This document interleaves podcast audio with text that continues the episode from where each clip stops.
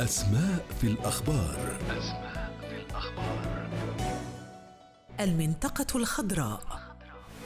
المنطقة الخضراء هو الاسم الشائع للحي الدولي في بغداد. أنشأتها قوات التحالف الدولية التي غزت العراق عام 2003 وتبلغ مساحتها عشرة كيلومترات مربعة وتقع وسط بغداد.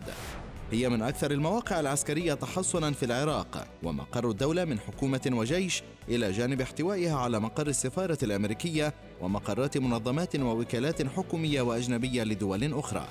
كان اسم المنطقة القديم كرادة مريم واسمها الرسمي حي التشريع وكانت منطقة سكنية لأعضاء الحكومة العراقية والعديد من الوزارات وتحوي عددا من قصور الرئيس السابق صدام حسين وأولاده.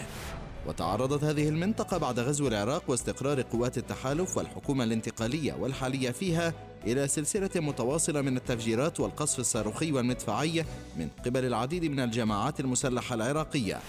في المنطقة الخضراء نحو ثلاثة آلاف وحدة سكنية قامت قوات الاحتلال الأمريكية بطرد أصحابها لتأسيسها ويحصل أصحاب تلك المنازل على بدل إيجار متفاوت من الحكومة ثمنا لإشغال منازلهم. أسماء في الأخبار. أسماء